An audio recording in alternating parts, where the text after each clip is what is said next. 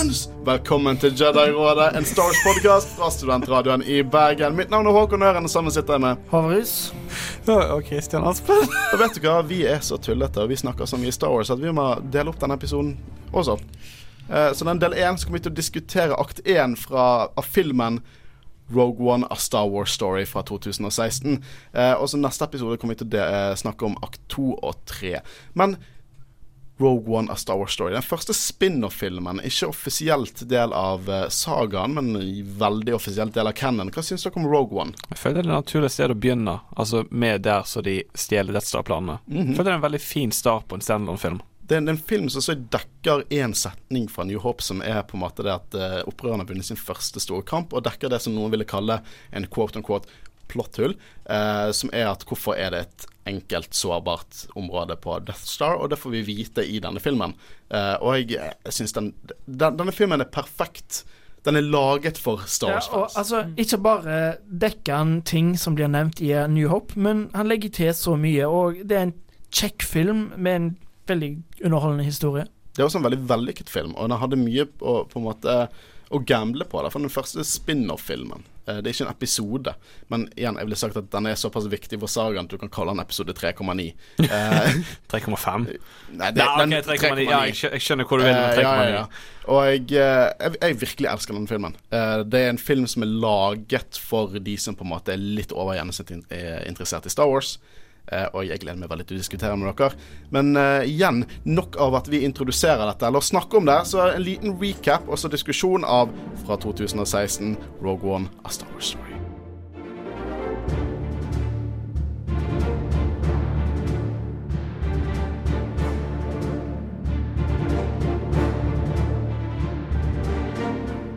Jeg må igjen advare om dette er en spoiler-podkast, så hvis ikke du har sett filmene, så må du skru av nå. I'm a spoiler. I spoil.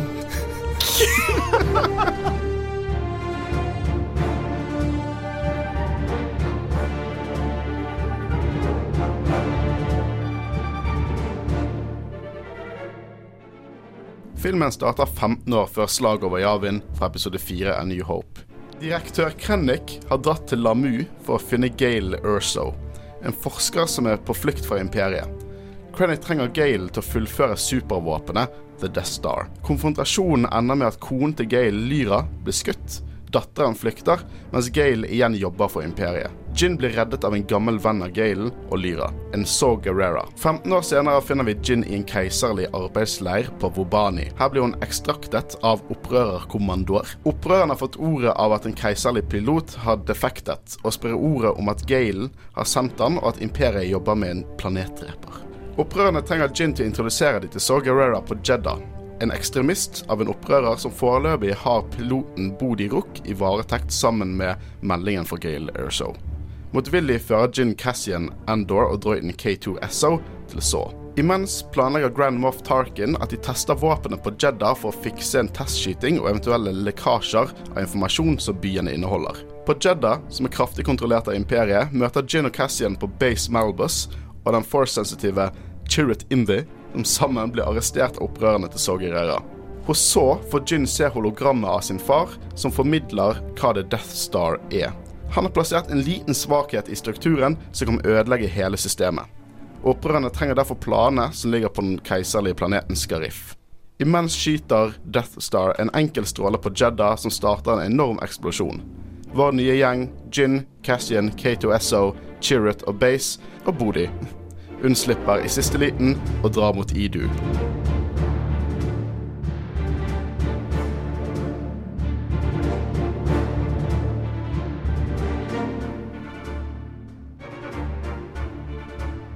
Denne filmen begynner litt annerledes enn uh, sagafilmen. For det begynner egentlig bare med en sånn kald åpning. A long time ago, dødt, dødt, dødt. Og så vroom, begynner filmen. Det er ingen crawl. Det føles litt rart, egentlig, men allikevel så funker det veldig bra. Og eh, de gjør det annerledes, for det er jo ikke en del av Skywalker-sagaen. Eller, det er jo på en måte det, men det er jo ikke hovedfilmene. Det, det er så å si Star Wars episode 3,9. Mm. Jeg synes det passer veldig godt uten å ha en opening crawl. Jeg synes det høres hjemme i den eller i eh, Skywalker-sagaen. Ja, jeg liker at det, det på en måte setter sagafilmene til på liksom en annen stemning, kaiene. Men jeg husker når de snakket om at det ikke skulle være en crawl, så ble jeg veldig misfornøyd. Jeg, liksom, jeg ble kjempemisfornøyd. Nå når jeg ser det igjen, så syns jeg det er veldig kult. Jeg liker eh, hvordan musikken bare popper inn, og det er en helt sånn kald åpning. Men denne filmen er ganske kan være forvirrende for folk som ikke er dypt inn i Star Wars. Så en crawl tror jeg kunne hjulpet en del av seerne til å skjønne hva det er som foregår når denne filmen er satt. For som sagt, eh, denne filmen begynner jo 15 år før episode 4. Eh, og så er det en time jump senere som setter seg helt opp samme året som episode 4. Og filmen som kom ut før dette på kino, var jo Force Awakens, som var episode 7, som var 34 år etter, etter episode 4. så jeg husker jeg satt på kino og så filmen, og det var noen litt yngre eh, fans ved siden av meg som var helt forvirret. Jeg var helt, helt fast bestemt på at dette her er episode 8, og dette er fortsettelsen av liksom uh, Ray sin historie. Ja, altså, det er jo en film hovedsakelig for Star Wars-fans, føler jeg. Ja, og det er derfor denne filmen har virkelig plass i min uh, blodpumpe. For det at, uh, dette her er payoffen min. Hele denne filmen er payoffen min til å være Star Wars, så blodtørstig Star Wars-fan. Men mer om det senere. Uh, vi får se at uh, et eh, skip eller vi, Det er litt kult, for vi får se ringene til en sånn ringplanet. Asteroidebeltet på en eh, planet. Og så lurer det deg litt og å tro at det er en Star Destroyer som kommer inn i bildet. Så det leker litt med de klassiske bildene fra f.eks. New Hope og Return of the Jedi. Men så ser vi at det er en, en Ok, jeg har skrevet dette ned hva dette skipet heter. For det er ikke en Lambda-class. Det er en Delta-class T3C som flyr inn i bildet. Og flyr over Lamu, som er spilt inn på Island. Ser, denne filmen opp til nå synes jeg er den nydeligste sånn estetisk filmen i sagaen. Jeg synes at igjen Last Jedi kommer til å slå Konkurrere i hvert fall med hvordan den ser ut. Men jeg synes denne filmen, estetikken og alt, det ser så ekte ut. Det ser så Og det er mørkt og gritty, altså ikke bare det som skjer, men jeg føler det er på en måte Designet og alt mulig sånn, det er veldig skittent. Det er det. Eh, og jeg, jeg, jeg, mer om estetikken senere, men det er bare en de første sekundene av filmen gir meg bare sinnssykt mye. Jeg vet ikke om dere fikk med dere det, at, men jeg elsker denne filmen. uh, og vi, uh, dette skipet, da. Uh, det er et veldig hipsterskip. Det er et skip som er veldig utdatert, og ikke typisk brukt av keiserlige soldater eller tropper. Det er ok, Orson Callan Krennic. Jeg visste ikke at han hadde et mellomnavn før i går. Liksom, jeg begynte jeg sa høyt når jeg researchet Har alle bare plutselig fått mellomnavn? eh, men det er i hvert fall en eh, direktør da eh, til eh, Keiserriket, og han er på vei dit for å finne Gail Erso, spilt av Mats Mikkelsen. Vi får jo litt sånn eh, smakebit på den nye musikken, da, for dette er den første Star Wars-filmen live action Star Wars-filmen der musikken ikke er laget av John Williams, men eh, Michael Giacchino. Eh, har dere noen tanker rundt den nye musikken så langt? Så han klarer å emulere John Williams på en ganske god måte, og allikevel så har han på en måte sine egne særpreg, så jeg, jeg, syns det funker veldig bra, egentlig. Ja, jeg er helt enig. Jeg forstår Star Wars-følelsen av musikken. Det, det gjør jeg òg. Jeg har virkelig satt pris på dette soundtracket, spesielt i ettertid. Mm. Når jeg først hørte det, så var det litt uh, voldsomt. For det, eller jeg var så Jeg forventet så mye John Williams. Sånn. Jeg visste at John Williams ikke har laget musikken, men så det var på en måte Jeg satte meg fast på at det ikke var John Williams. Men i kort tid etter så ble jeg veldig Jeg elsker soundtracket nå. Men på samme måte, altså John Williams er jo en legende, men på samme måte så er det litt forfriskende òg. Det blir noe nytt, på en måte. Mm. Men i tillegg til at det reflekterer eh, den gamle Star Wars fra John Williams, så syns jeg det, det passer fint. Ja da, den første musikken vi får høre, er jo på en måte denne Imperial-suiten. Mm. Eh, og jeg, det, det oser Empire. Det er ikke Imperial March, men det oser Empire. Faktisk, når vi skulle lage jingle her, så spurte Arild, han som lagde musikken vår, eh, hvilken eh, musikk jeg likte fra Star Wars jeg ville at han skulle bruke. Så sa jeg Imperial Suit for Rogue One, blanding med Imperial March fra Empire. Og så lagde han vår intro, som jeg synes også minner mye om det. Vi får jo se masse sånn praktiske effekter mens dette skipet på en måte eh, flyger inn blant liksom svarte sand eh, på Lamu. Jeg vet at du ikke liker så godt fly som bare flyr, da. Eh, Det har jeg sagt, jeg. Oi! Altså, de, I denne filmen så er det ingenting problem med at det bare flyr. men det var bare Phantom Menace som var det problemet. Det er egentlig bare Phantom Menace jeg ikke liker. ja, ja, men da må du få argumentene dine på plass.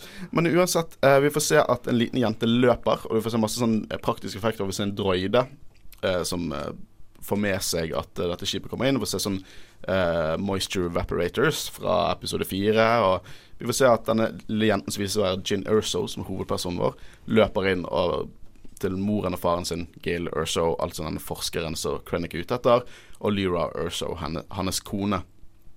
Og jeg, det var masse De zoomer basically inn på en glass med blå melk.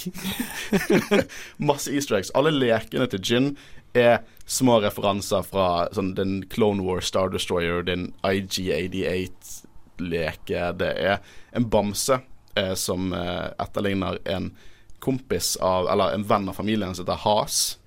Eh, og som er en sånn Husker dere Pruneface? som var med i uh, Return of Jedi. Han er den rasen. Jeg burde Men Pruneface er en perfekt beskrivelse av den rasen. Han var en av hovedpersonene i en bok som heter Rogue One Catalyst, som kom ut rett før denne filmen.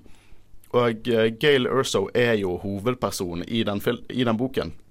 Og den utspiller seg fra midten av Clone Wars helt opp til kanskje to-tre år før denne filmen. Når de på en måte unnslippet Krennic og Empire. Og den boken er som det er en del av denne filmen. Så hvis du leser boken og ser filmen, så er det hele det et perfekt verk av fra Star Wars. Eh, så jeg kommer til å snakke mye om ting fra den boken, spesielt når hun kommer inn og de begynner å kontakte Saw Gerrera, som også er en etablert karakter fra Cannon, mer om han senere. Men så klemmer Gail Urso Gin og sier I will always protect you, Stardust. Og han kalte henne Stardust gjennom hele boken, så jeg var jævlig hypet når han sa Stardust. Jeg husker jeg så filmen, så gjorde jeg sånn oh, Det sa han i boken! Så de personene som satt ved siden av meg, skjønte jo ingenting. Uh, men jeg syns det var veldig gøy at uh, han kaller henne Stardust. Så er jo dette, dette er noe vi har, vi har, hintet til senere. Hvorfor parkerer de så langt unna? For å få et kult shot. Ja, det er det. Og det er egentlig det eneste argumentet vi trenger. Men også så er jo det sikkert strategisk lurt å plassere seg så eh, langt vekke. Eh, for alt Krennic vet, så er Gale en person som har nære kontakter med eh, kjente opprørere som So Guerrera, og har vært åpent på, på, på, flukt fra imperiet i mange år. Så for han vet Han ikke, kan ikke være klar over om dette er folk med våpen siktet på de, eller flere opprørere inni, så de lander langt vekke for å ha en eh, observere hele området strategisk. Og du ser jo at soldatene driver og søker og ser, lager en sånn kalles det? Jeg prøver sånn militærspråk nå. En sånn Perimeter. Perimeter, der, ja. Mm. Eh, men hoppet jeg litt, for jeg har lyst til å snakke om Death Troopers. De er så kule. De er de Death Troopers. Det er bare høye. Ekstra høye. De er sånn lanky, de tynne, små hoder. Svarte Stormtroopers. Eh, med, og hjelmen deres minner, minner nesten mer om en hodeskalle. Og de er så badass. Jeg elsker Death Troopers. Og det er mye kult rundt Death Troopers. Eh, først navnet kommer fra en Legends-bok som het eh, overraskende nok Death Trooper, eh, som sånn 15 folk leste. Eh, jeg er en av de som leste den boken, eh, og det er egentlig Zombie-Star Wars. Det er helt det, liksom, det var Ja, det var teknisk sett regnet som canon back in the day, men du kjøpte det alle som canon. Men det var en veldig kul historie, eh, og in universe så det rykter om at Death Troopers er eh, liksom en del av et prosjekt der de prøver å lage zombier i imperiet. Tenk deg det, da. Altså Uh, Star Wars uh, Zombies-movie. Tenk deg den filmen. da Ja, Hvis du er interessert, så les Death Troopers. For det, den, eh, den, den er, har interessant Den er grådig grotesk, liksom. Og så er det bare Star Wars, den fucker litt til med liksom, ditt minne om Star Wars. Men den er ikke canon. Men dette ryktet innenfor universet om at de er døde troopers som har blitt brakt tilbake inn i livet, det er canon, men det er ikke sant, da. Det er bare et rykte. Og folk kaller de uh, Death Troopers. Det er ikke det offisielle navnet deres, det burde jeg hatt. Jeg tror det er sånn AWR. Det er ikke like fengende som vi kaller det, bare Death Troopers. Ja, Death Troopers, selvfølgelig. uh, og jeg, jeg, må bare si, de, de har sånn kryptert språk når de snakker med hverandre. Liksom, du skjønner ikke hva som uh, er deal, og det høres creepy og Jeg trodde det bare var dårlige mikrofoner, jeg, for jeg reagerte på det. At jeg ikke kan høre hva, de, hva mm. de sier. Men det er faktisk en kul Og det lærte jeg når jeg researchet filmen. Den krypteringen er noe som de hjelmene gjør. Eh, og den eneste måten å dekryptere språket er hvis du har en sånn hjelm. Så de hører vanlig? De hører vanlig engelsk når de snakker med hverandre. Og på den måten kan de planlegge eh, ting med, selv om fiender er i nærheten, og de vil ikke skjønne hva som skjer. For dette her er på en måte Seal Team 6 av, av Stormtroopers. Dette er ikke egentlig vanlige soldater som går ut i kamp. Dette Dette er Imperial Commando. Dette er folk som går inn og saboterer og dreper høyprofil targets og sånne ting. Hvorfor i all verden var ikke disse her på Endor? Uh, Når han sender sine best troopers. så jeg hadde en forklaring til det, men så kom traileren til The Mandalorian ut, og så gikk den forklaringen rett ut vinduet. Men mer om det når vi besøker Scarif senere i filmen. Ja, ok. Um, Og er de dør der? mer om det etterpå. Eh, så nå er jo det at, eh, at eh, Gale begynner å snakke med Krennic, som er en veldig sånn intens scene. Nå har jo Lyra tatt Jin og løpt vekk, og gir Jin en sånn liten Kyber-krystall og sier 'trust the force', og på den Kyber-krystallen så står det i Orabash 'trust the force'. Så da får vi litt det der at eh, eh, religion rundt The Force, da, for dette er jo ikke Force-brukere. Men faktisk i tidligere skript så skulle Lyra faktisk være en Jedi. Jeg er veldig glad for at de ikke gjorde det. Jeg er veldig glad for at Jedi bare Jedi er ikke med i den filmen. Men det, liksom tapet av Jedi føles sterkt i filmen. De nevner ofte Jedi, og at de ikke lenger er der til stede. Og liksom legacyen av Jedi er veldig til stede i filmen. Det får vi vite veldig sterkt nå med Lyra som sier 'trust the force', og, og sender Gin Vector vekk til å gjemme seg. Eh, og nå tar jo Gale og snakker med Krennic. Og eh, han er på en måte Krennic er overrasket over at han har kommet til å prøve å være bonde, for han er jo en briljant forsker. Og Krennic er så jævla forbanna Imperial at det, det er for vondt inni meg. Og det, det er så nydelig. Eh, er, han driver der og bare manipulerer og alt det der. Og, og Gale prøver jo å lure han og sier at han, han ø, har sånn ø, Han husker ikke så godt, og at Lyra døde. Og så tar Krennic og helt klart kjøper ikke det. Han sier sånn Å, så leit å høre. Søk huset. og jeg, eh, så begynner de å snakke litt mer om dette her med, med Death Star, da. For Krennic ser jo på dette som at de var veldig nær å på en måte bringe fred og sikkerhet til galaksen. Og Gale mener du, du mikser fred med, med liksom tyranni og terror. Og så sier, eh, sier Krennic ja, vi må jo starte ett sted. Ok, helt enig med han. Selvfølgelig må de starte ett sted. Vet du hva denne filmen gjør? Den bringer tilbake mine argumenter om at Empire er the good guys. Ja, for uh, tyranni er good guys. Nei, det er alltid liksom Av og til så er det the, the means justify the end, er det de sier. Ja, det, det er jo det de sier, men uh, jeg er ikke helt enig, da. Men uh, Altså, jeg tror hvis det gikk fram til det at republikken var good guys Nei, bad guys, men imperiet, når det ble imperiet, da var de bad guys. Know, vet du hva det, det, det, Det, jeg tror det var det vi ble enige om. Jeg har aldri vært enig. Jeg har vært, alt jeg har godkjent, er at Empire er the good guys. Jeg kan ikke si at First Order er det. Jeg kan ikke si det. For at de er ganske gale. Men Empire har mer, og det er gråsoner i denne filmen, Christian. Det er tusenvis av gråsoner som vi kommer over til. Men nå dukker Lyra opp og sikter en blaster på Krennic. Og så sier Krennic å, det Lyra tilbake igjen fra de døde. Det er mirakel. Han er så kul. Jeg digger Krennic. Uh, og husk, uh, husker vi snakket med New Hope, dette med uh, keiserlige dialekter og sånn. For det er Ben Mendelsohn som spiller Krennic, han er jo fra Australia. Men han holder ikke tilbake på litt den, den australske aksenten dukker litt sånn opp innimellom han snakker. Og det er også en del av karakteriseringen. At han på en måte ikke har blitt født inn i en sånn keiserlig familie. Han måtte jobbe seg opp der. Og at enkelte av de erkebritiske Jeg vet ikke hva dialekten er i universet, da, men erkebritiske offiserene, sånn som Tarkin og alt det der, de ser litt ned på han. Han er på en måte litt den uh, runt of the litter da, uh, innenfor imperiet. Uh, så han har litt usikkerheter når det innenfor sin status, som vi kommer til å få se mer av senere i filmen. Men han begynner å selge dealen sin. da, at, at de skal komme, de kan leve i sikkerhet og gode, at de blir heroes of the empire. Og det er også en ganske god deal. Eh, men Lyra hun tar jo bare skyt, prøver å skyte han og drepe han. Og eh, Jin har jo sett alt dette, så hun løper og gjemmer seg, og igjen har de tatt Gale Erso eh, til å fortsette på prosjektet. da. Eh, blir jo senere reddet av Saw Gerrera. Vi skal, jeg tenker vi går innom Saw Gerrera og hans backstory når vi møter han senere i filmen. Men i hvert fall, da er introen skjedd, vi får eh, veldig rar font, Rogue One. Jeg har alltid syntes den fonten ser litt sånn MS Paint ut. Ikke at jeg tar noe vekk fra filmen, bare fonten ser helt ikke bra ut. Og så hopper filmen 15 år. Det er en time jump i Star Wars. En stor time jump midt i en Star Wars-film, og det har ikke vi sett før heller. Ja, og Mats Mikkelsen ble ikke ett år eldre heller. Fikk annen frisyre og uniform, da. Eh, så det er sant, jeg har ikke tenkt over.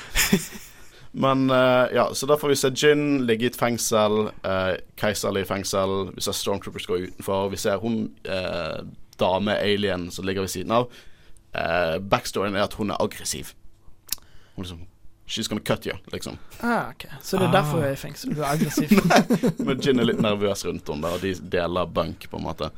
Eh, og så hopper vi igjen. Denne filmen hopper. Dette er en sekvens som varer i kanskje 30 sekunder. De hopper igjen.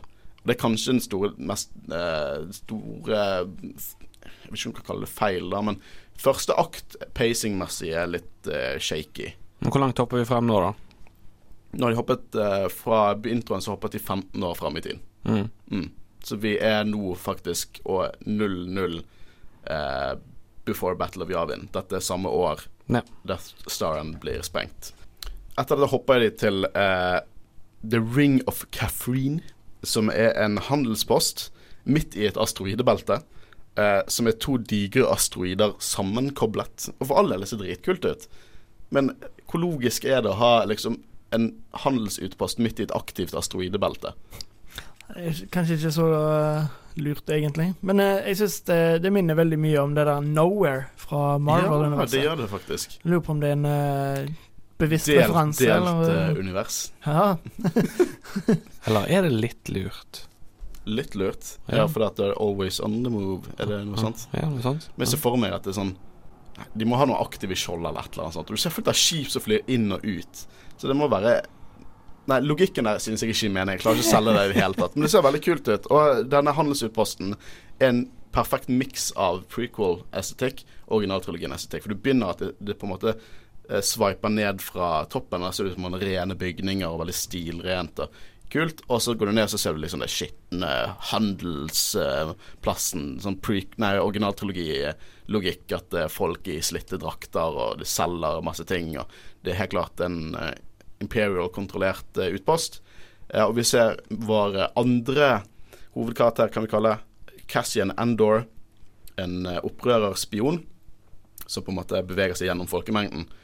Eh, og han skal møte med en eh, informant, da.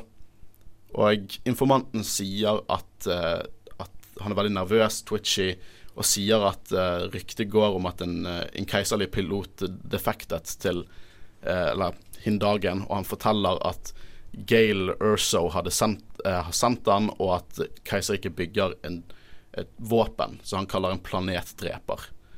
Eh, og det er veldig kul stemning her. Jeg elsker den der spion, nesten sånn oppbygging til krig. Nesten sånn jeg kan forestille meg sånn før andre verdenskrig startet, og, eller kalde krigen.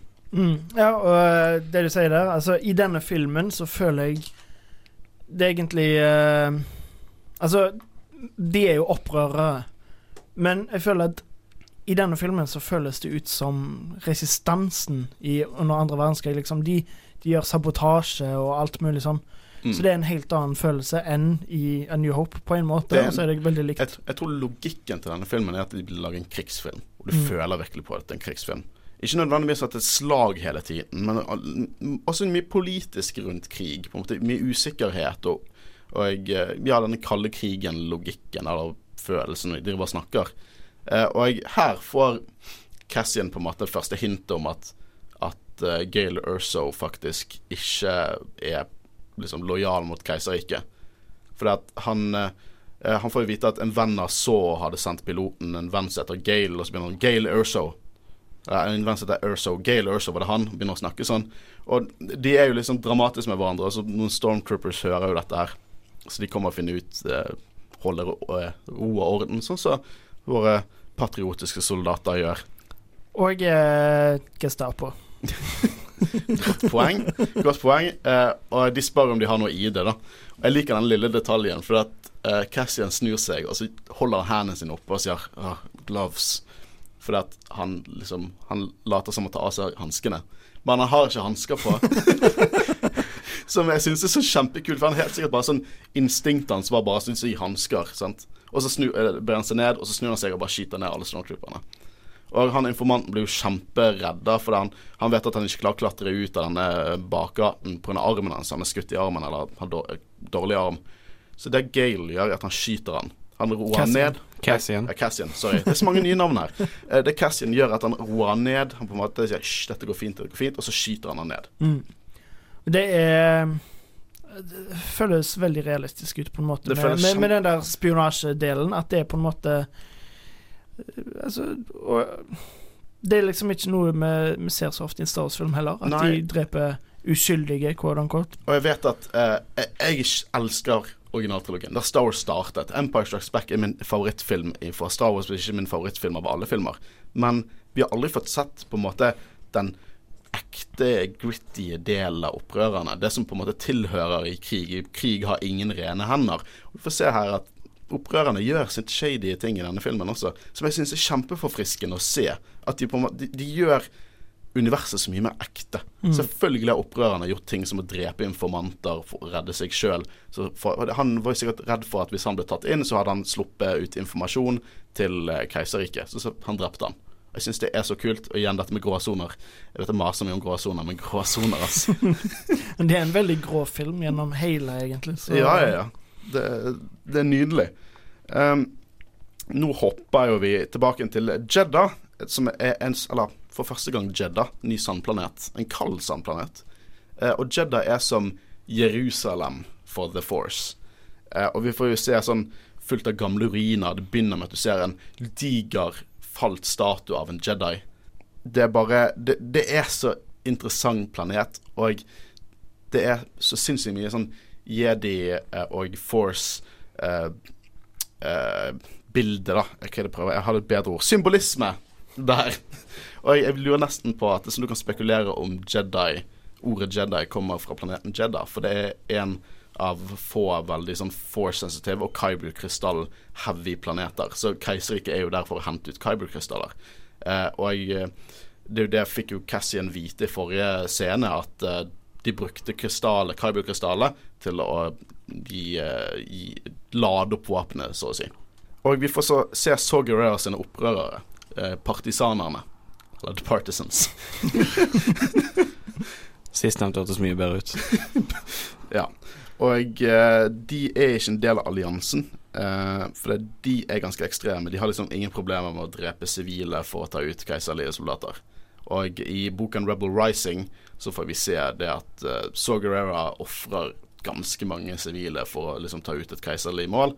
Og det var også litt kult. Du har på en måte opprører Terrorister. De er jo så å si terrorister. I hvert fall spesielt De er enda mer terrorister enn Rebels, i hvert fall i øynene til til Empire. Senere i filmen så vil du kalle de terrorister, mens de kaller på en måte Rebels for opprørere. Så det er kult at vi får se en annen side. Vi får se eh, de er litt mer sånn enda mer ragtag, eh, geriljabande enn opprørerne. Vi får se de har på en måte tatt rustning fra Stormtroopers. Du ser f.eks. en svart eh, Scout Trooper-hjelm der. Eh, og så får du se OK, dette har jeg skrevet ned, for dette er spesifikt. Du får se, du får se two tubes. Og Two Tubes, det er to karakterer. Det er Bentic og Edrio. Nå er det Bentic som snakker. Og de er, de er eggmates.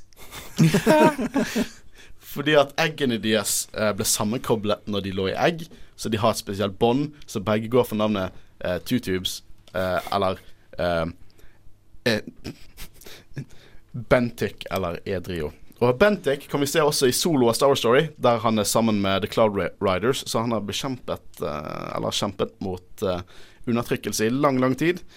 Han var med i ja, The Cloud Riders, mer om det når vi tar for oss solo. Um, og nå får vi se Bodhi Rook, eh, spilt av Riz Ahmed, er det han heter. Så han prøver å møte med Saw Gerrera, men disse folkene ser jo han i en keiserlig uniform og kaster en pose over hodet hans, og så drar han med videre. Det var egentlig Jed Jeddah. Nå hopper de en gang til. til Vobani. Det var der Jin uh, satt, da. Og det første vi ser her Hva er det første vi ser her? Vi ser første vi ser her en referanse til episode tre. For de sitter i en clone turbotank. Så hvis jeg så på Kashik Ah. i Star Wars episode 3, Revenge of the Sith Denne filmen setter pri... Liksom det, Den passer så perfekt inn fordi at den godkjenner prequel-trilogien, eller anerkjenner prequel-trilogien og anerkjenner originaltrilogien. Jeg syns ikke Force Awakens gjorde det. Den anerkjente originaltrilogien. Mens denne her på en måte passer perfekt inn. Det er liksom en miks av begge. Men bruker Imperiet mye av eh, gamle, ut, gammelt utstyr og sånn fra klone... Eh, ja, og jeg tror spesielt på sånne steder som Vobani, for Vobani eh, Nå drar jeg dette litt ut av ræven og spekulerer litt, men Vobani virker ikke som er på en måte et sted som er høyest oppe på budsjettlisten eh, til Imperiet. Du ser liksom stormtrooperne sitter slitne og litt chubby. Skitten og hele pakken. Og så har de sikkert brukt gammelt utstyr. Jeg vet jo også at eh, opprørerne brukte også gammelt uh, Clone Wars-utstyr. Eh, og jeg tror Imperiet solgte en del av det utstyret til sånn vet ikke, nasjoner de støttet. Eh, annet tyranni og diktaturskap de støttet. Men i hvert fall de bruker gammel Clone Wars-tech, og jeg syns det er veldig kult. Det gjør universet litt sånn det, det, det, er ikke noe som Det er ikke vel supertydelig, men det er der. Så de som vet hva det er, de får kjempeboost av det. Og de som på en måte ikke vet hva det er, bare sånn kjører kjøretøy i Star Wars. Gin uh, sitter jo inni denne turbotanken, og hun, uh, plutselig blir uh, den stoppet. Og så en av stormtrooperne som høres ut som Willem Defoe, syns jeg. Alltid syns han høres ut som Willem Defoe. Must be another pickup. Eh, og så åpner de døren, og så blir de skutt nådeløst av uh, opprørerkommandoer. Har du sjekket at det ikke er han? Hm? Har du sjekket at det ikke er han? Jeg tror ikke det er han. Nei, vi hadde visst om det var uh, Willem Defoe. Hvis ikke, hvis ikke, så redigerer vi inn en setning som sier at det var Willem Defoe. Men disse kommer inn, da, og dreper disse Ok, her er det faktisk svart og hvitt. Dette er to stormtroopers som kun er på jobb. De liker ikke jobben sin engang. Du ser det, de er dritlei. Så kommer det bare noen forbanna kommandoer og skyter de. Liksom, til og med i ekte krig, det, det, er jo ikke offisielt krig, men i ekte konflikter, så hadde jo ikke de bare drept de. Ja, men altså, du har altså, Skyt først, det er spørsmål etterpå. Sånn er det alltid. Ja, men opp, opprørende vis, liksom Opprøreren, Dette er verste opprøreren har vært i noen film. Men jeg digger det, da. Det, det, ironisk nok så føler jeg meg mer som en rebel guy. Eller jeg kunne tatt siden til opprørerne i denne filmen litt fordi at de er så ekte. Og de er mye badass. Men de leter etter en person som heter Liana Hallik. For Gin Urso går, går under navnet Liana Hallik. Og det er synd Det er helt klart at en nordmann ikke var med på å å finne på det navnet, da. Hallik. Ja. Hallik. Jeg bare sier det en gang til. Hallik. Hun er en pimp. og jeg, jeg, husker når så den, jeg så denne filmen på kino, så begynte folk å skatle. Sa Liana og jeg tror Oi. ikke det var intensjonen deres. Men eh, de redder henne, eh, og eh, det første hun gjør når eh, håndjernet hennes er løst, er at hun prøver å løpe vekk derifra. For det hun tror Ikke bare løper vekk, hun banker de opp òg, og så ja, springer. med en spade eller noe sånt. Kunne drept de. Men hun er livredd for at dette her er So Guerrera sin opprørerstyrker. Eh, hun er oppriktig redd for de. Hun har vitne til hva de kan gjøre og vil gjøre, og hun er redd, rett og slett redd for at de har kommet dit for å drepe henne. Så derfor løper hun vekk. Men hun blir stoppet av den kuleste droiden i hele sagaen. Ja, nå går du litt for langt. Nei, det er en kul Hvem er kulere enn K2SO? R2D2. Nei. Nei. R2D2 er for, altså, Når det kommer til humor, så vinner K2SO på alle fronter, men min favorittdroid, kom igjen, R2D2. Hvem er mest badass? Sant. R2D2. Nei, du, jo, tenke, jeg, ja, du måtte tenke for mye på det. Nei, jeg måtte ikke tenke for mye på det. Se på alt han har gjort. Han er en reprogrammert keiserlig droid. Se på alt han har gjort for karakterene, f.eks. Uh, uh, Anakin og Luke i Jono-serien. Det slår ikke K2SO. Han er, han er sarkastisk reprogrammert Imperial droid. Og han har spilt L Alan, Alan Tudyk. Tudyk. Jeg, jeg kom før deg. Han som spilte mest kjent for sin rolle som den dumme kyllingen i Moana. Nei, nei, nei. Ja, det kan godt være. Men Firefly, oh my god. Han har egentlig spilt i alt. Han er bare Han er en kameleon av skuespill. Ja, nydelig skuespiller. Eh, og Men, han stopper henne eh, midt i luken og sier eh, Where are you going? Congratulations, you've been oh, ja. rescued. Please do not resist. Ta den på ny igjen. Nei. Jo, for jeg tror jeg snakker mens du sa det. Ja, men det er lov til å snakke mens jeg sier ting. Jeg motiverer jo dere til å bare gå inn her. Uh, OK, men han Kate og Esso stopper Gin midt i døren og sier 'Congratulations, you're being rescued. Please do not resist'. Som sier mye om hvordan han eh, er som karakter. Jeg elsker Kate og Esso. Jeg syns Fantastisk karakter. Uh, mye bedre enn BB8 og R2D2, for å være helt ærlig. Håkon. Kristian. Vet du hva, hva, som kommer nå? Et nytt hopp, for nå hopper vi til Javin 4. det første aktet i denne filmen er sinnssykt rotete. Ja, men reisetiden tar for lang tid. Vi kan ikke bare se Ja, all, Vi alle må disse forte planetene oss. har liksom, bortsett fra Lamu og senere Mustafar, så er det et sånn title card på hver av de. Og greit nok, pacingen er litt sånn weird, og det hopper fram og tilbake, men eh, Det er jo ikke noe problem med det. jeg har ikke noe problem med det heller. nei, nei. Eh, det, det, dialogen er top notch, liksom. Nå hopper vi til Javen 4. Gode, gamle Rebel-basen Javen 4. Klassisk musikk. Eh, Filmet på samme location som fra originaltrilogien. Ja, Mm. kult. Eh, og det, ser, det er som en HD-remaster av episode 4 nå. Det, det ser så mye bedre ut. 70-talls eh, eh, estetikken er tilbake i den filmen. Sånn, bare se på bartene til folk. Og håret. Det, det, det, det, de, har filmet, de har laget Rogue One som om det har vært laget på 70-tallet, og jeg digger det. Uh, og det er jo denne Nå skal jo de på en måte ha møte med Jin, da. Vi ser ganske ikoniske karakterer som John Dodo nei, Jan Dodonna og Mon Mothma. Mon Mothma som spilte Mon Mothma i en deleted uh, uh, Revenge of the Sith-episode. Hun, hun ser ikke akkurat ut som Skuespilleren ser ikke ut som Mon Mothma, men jeg kjøper at det er Mon Mothma. Hun bare oser Mon Mothma. Mm. Og det er så kult at de karakterene er med. Og det igjen filmen passer perfekt inn i resten av sagaen pga. sånne ting. Eh, senere får vi også se Bale Organa spilt av Jimmy Smith, som spilte han i prequel-trilogien. Så kobler opp trilogiene perfekt, syns jeg. Nydelig. Mm. Eh, og jeg, nå snakker jo de litt om eh, Om uh, Saw Gerrera. Uh, fordi at de vil at Gin skal introdusere hun Nei, de til Saw Gerrera, for Saw Gerrera har piloten og meldingen fra uh, Gail Urso, visstnok.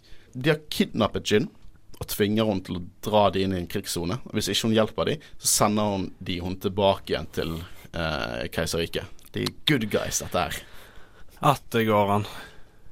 Uh, så de trenger å finne ut hva denne piloten sa, uh, sa at Gail Erso sendte han til så. Ja. Og nå snakker de om Saw Gerrera, at han er ekstremist. Alliansen måtte kutte kontakt med han, eh, litt pga. hvordan han kjempet denne konflikten. Da. Litt hint til hvor ekstrem han er. Eh, jeg liker også at de driver og snakker om ting som The Imperial War Machine. Imperial War Machine. Og eh, de nevner keiseren, og at eh, at de produserer et våpen som har muligheten til å ødelegge hele, hele, altså hele maskiner, hele planeter. Jeg liker hvor ekte dette føles. Igjen hvordan de snakker. Sånn så, eh, helt klart paralleller til den tyske krigsmaskinen, og det føles bare så autentisk. Mm. Ja, jeg er helt enig. Det er Som vi sa tidligere, det er en levende verden. Det er liksom ikke bare ja, De har gjort så mye for at det skal føles ut som både Star Wars og en god og Ja, det, det, det er mer enn bare en spin-off-film. Jeg mener at denne filmen er nødvendig når du har, ser alle filmene. Det er en nødvendig del av sagaen, syns jeg. Selv om ikke Luke og de er med, men det er en nødvendig del av sagaen. Ja, han gir meg et nytt håp. Jesus. Jeg likte han, jeg, Christian. Takk. Eh, men vi får vite at Ginny ikke har noe kjærlighet til faren sin uh, nå. I hennes øyne har jo han forlatt henne når hun var liten, og jobber med DS, ba- DS-syn. The bad guys, ikke mitt syn. Akkurat det syns jeg er litt rart, fordi hun så jo at mora ble drept. Men tenk nå hvor bitte liten hun var, da. Ja, ja, men likevel, hun må jo, det må jo være ganske traumatisk. Hun må jo huske at mora ble drept. Ja ja, men alt hun vet fra den situasjonen, er at moren ble drept, og han dro med folkene som drepte henne. Og hun var bitte liten. Ja, men det, det så jo ikke akkurat okay, ut ok, Nei, men men Hvis jeg skal unnskylde dette det- no, nå at Hun har ikke noe kjærlighet til faren. Hvorfor hun ikke har noe kjærlighet til faren, eh, er vanskelig å si. Det var litt jeg som spekulerte der. Hun har i hvert fall ikke noe kjærlighet til sin far. Dår du dette ut av ræven, eller noe? Kanskje. Kanskje Nei, spekulerte altså, du, du ser liksom at de kommer ikke akkurat i fred, ser det ut som når de ankom planeten. Nei, nei, så datteren igjen, må jo tenke vi- det Hvis det er sånn datteren tenker, så kan jeg skjønne det, for hun er bitte liten, type under ti år. Og ser moren sin bli, bli drept, og at faren drar med de som drepte moren. Ja, sant nok, men eh, allikevel. jeg syns det, det er dumt at de ikke eh, har et så bra forhold. Dere har sinnssykt store forventninger til en jente som er under ti år. Skjønner ikke hun hva som skjer i Senatet, og uh, handelsblokader og sånne ting. Uh, Nei, men å se moren dø Eh, det som er veldig søtt her, da, er Ja. at uh, Mon Mothman vil at de skal finne Galen, sånn at han kan vitne i Senatet for å liksom stoppe det, det som skjer her. Og jeg syns det er søtt at hun tror at Senatet fortsatt har noe makt under Palpatine. Det er oppriktig søtt. Ja, altså I uh, begynnelsen av A New Hope så får vi jo vite at de nettopp har eh, oppløst Senatet, Mm. så de De oppløser liksom senatet rett etter Sånn denne to, filmen. to uker etterpå. Det er ikke det engang. Mindre enn det, tror jeg. Uh, vi får se Bale Organa uh, med Leia-musikken. Igjen, Vi snakket om dette her med fanservice, og denne filmen har mye fanservice. Men jeg synes at det funker. Jeg synes det funker kjempegodt. For jeg tror at Nei, kanskje hvis folk ikke vet hvem Bale Organa er, så skjønner de ikke helt hvorfor han bare kommer inn i bildet, og at Leia-musikken spilles. Men jeg syns det passer. Det, er, det går ikke på bekostning av plottet, syns jeg. I det hele tatt. Nei, det er jeg helt enig i. Og eh, i, jeg, jeg, igjen, jeg tror egentlig det er bare er fanservice i A New Hope jeg ikke liker. Nei, eh, i uh, Phantom Menace. Phantom Menace jeg ikke liker. Nå skal vi redigere etter at du sier A New Hope. Bare sånn kjapt, sånn kjapt spørsmål. I og med at uh, Princess Leia uh, av Alderan er da uh, Bale Organa kongen? Ha.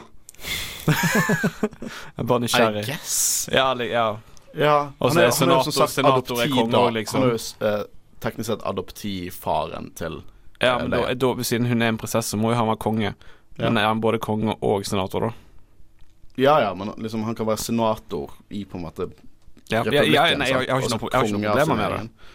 Tror jeg. Ja. Eh, Ja, men hvem faen vet hvordan liksom, liksom dette her med royalty fungerer i Star Wars? I, liksom, i, på Naboo så stemmer jo de fram dronningen sin, og hun kan være liksom en tenåring. Ja. Hvem faen vet? Kanskje Kanskje Kanskje du blir dronning til du konfirmeres? Men altså, jeg syns det er kult han er tilbake. Jeg håper litt å se han i Kenobi-serien som kommer ut neste Ja, og han må Det- være ja, med i Kenobi-serien. Flere av de fra Rogue One kunne tenkt meg å se der. Mm. Eh, vi får jo også en Rogue One-serie i form av Cassian Andor-serien. Ja, jeg ser for meg sånn her uh, Buddy Cops. Buddy Ja, Cop-serie. med det, det, det, K2SO. det hadde vært så dødskult. I bakgrunnen Nå har de funnet ut at de skal dra til, eh, til Jeddah for å finne Soga altså gjenfinne uh, Gail Urso. Og i bakgrunnen uh, til den scenen når de går ut fra tempelet på Javin 4, så ser vi i bakgrunnen en VCX 100. Mer spesifikt The Ghost, som er skipet til Hera Syndulla fra serien Rebels. Den står i bakgrunnen der. Tusen referanser. Jeg digger det. Eh, Andor ble jo fortalt av eh, General Draven. Jeg måtte søke opp det navnet. Jeg brukte altfor lang tid på å finne ut hva General Draven, at han het General Draven, som de sier det senere i filmen. Uh, han var i hvert fall fortalt at de skal ignorere alt som ble sagt der inne, eh, bare til An uh, Cassian. da. At han skal finne Gale Airshow og drepe han for å stoppe noe videre utvikling av supervåpenet. Som også viser at Tror dere Mon Mothma var klar over denne planen? Nei, det virker jo ikke sånn. Ja, for det, opprørerne er på en måte ikke superorganisert, selv om de prøver å være i denne filmen. Mon Mothma ville ha en fredelig eh, løsning av dette i forhold til Senatet, som er jo også ganske eh, Ganske Ganske naivt å tenke. Og Draven vil bare drepe han, som også er ganske eh, Det er liksom mot, motpolen til det, da. Men ingen av de er særlig rasjonelle, egentlig. Ingen av de på en måte tror jeg kommer til å løse noen problemer, som viser hvor desperat opprørerne er eh, på alle mulige måter.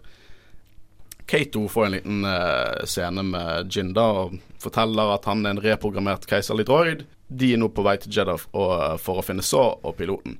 Og jeg elsker humoren til K2SO. Så, for at Jin har stjålet en blaster, basically. Eh, og så sier eh, Cassian på en måte spør om det. Bare, 'Hvorfor har du den droiden? Hva, hva, gjør, nei, hva gjør du med den blasteren?' Og 'Fant den'. Og så sier uh, K2 I find that answer vague and unconvincing. sier du at R2D2 er mer underholdende enn dette?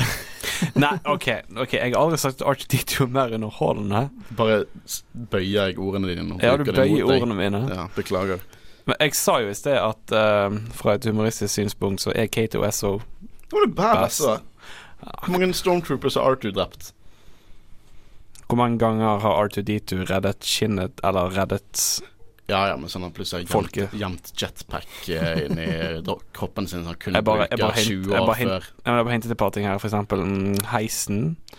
Mm, that's it? No. Så, ok, Hva er mest badass? En droid som er sånn sarkastisk grunn til å skyte oh, oh, oh, folk? Eller en søppelbøtte som får heiser til å bevege seg? OK, trash compactor. Det var jo også C3PO som hjalp litt til der, da. Hva med? Formulere til uh, Arthur. Um, nå får vi en sinnssykt kul introduksjon til uh, The Empire. Uh, nei, det får vi ikke, for jeg hoppet igjen. Det er hoppet, filmen hoppet så mye. Vi får hoppe til Jedda tilbake igjen. Dette får du fikse i post. eh. Håvard. Og vi får se Saw Gerrera, som helt klart er opprørende sin versjon av Vader. Han er, han er sikkert mer maskin enn Vader er. Uh, han er så gammel, ser ut som de har funnet masse deler og bygd den sammen. Og til og med hosteproblemer eller lungeproblemer, sånn som Vader.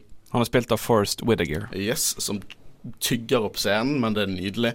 Uh, han, til og med når han puster, for han har en sånn slange som han puster fra, og det, for, det er Vader-pustingen.